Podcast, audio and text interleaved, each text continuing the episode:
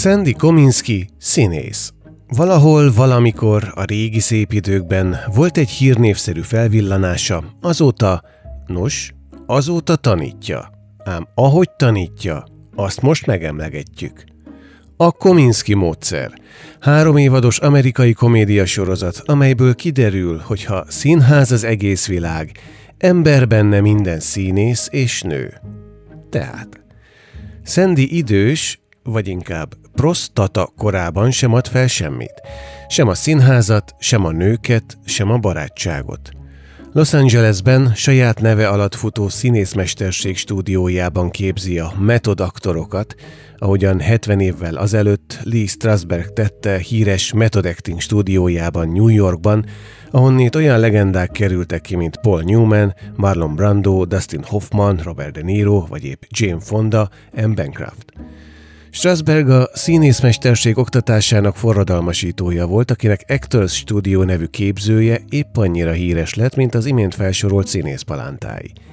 Ő forszírozta például, hogy a színész váljon egyé a szerepével, térképezze fel a karaktere életének legapróbb részletét és élje annak életét. Az imént felsorolt sztárok épp így készültek maradandó filmtörténetet író szerepeikre. És Sandy Kominskinak is van egy módszere. A színházra, hiszen az életére, elsőre úgy tűnik, nem annyira, mert a következő szerepeket blitzelte el. Férj a saját házasságában, apa saját családjában, és siker a saját karrierjében. Ám Sandy bármennyire is improvizál saját életében, mégiscsak fel tud mutatni komoly sikereket.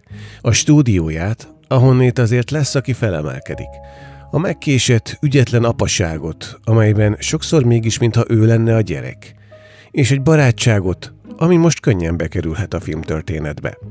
Mert a Kominsky módszer legütősebb találmánya a Szendit játszó Michael Douglas és a sok évtizedes ügynök barátot alakító Ellen Arkin furcsa párja.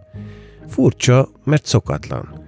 Szokatlan, mert nem szoktunk hozzá, hogy a barátság kivált idősödő, olykor zsémbes urak között téma legyen. Pedig nagyon is az, az összes testi és lelki problémájukkal együtt. Norman épp elvesztette feleségét, élete szerelmét, miközben küzd drogfüggő lányával. És ezek olykor naturális megbeszélése épp úgy az életük része, mint a testi helyzetük tabuk nélküli kiteregetése. És amikor jönnek a nehéz, sőt vészhelyzetek, ez a barátság újra és újra mentőövvé válik. A Kaminski módszer a barátság reklámfilmje.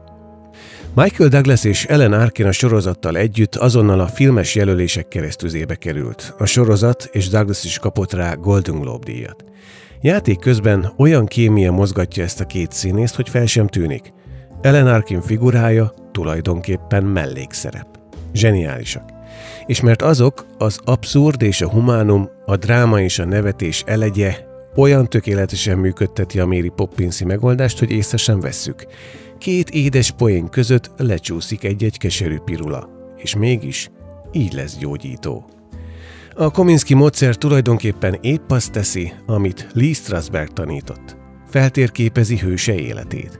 A legapróbb részletekig, hogy aztán a kurta harmadik évad végén csodás és emelkedett véget érjen a szívmelengető történet, amelyben még a harmadik évad első epizódját is megbocsátjuk simán.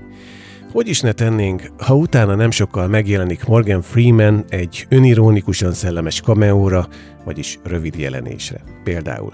Mert azért Kathleen Turner feltűnéséért is rendkívül hálásak vagyunk, sőt, azért a termékeny alaphelyzetért is, amelyben az ember lánya az emberrel egyidős vénemberhez akar feleségül menni. A Kominski módszer szembe megy sok mindennel. Nem a fiatalokra épít, hanem az öregekre. Hőseit nem az érdek működteti, hanem a barátság. A kudarc nem jelent reménytelenséget, és egy álom, még ha le is mondtak már róla, mégis valóra válik. Sőt, ha a néző jól figyel, a végére összeáll az egykor elvesztett kép. A Kominski módszer. Sorozata Netflixen azoknak, akik szerint van élet a halál előtt.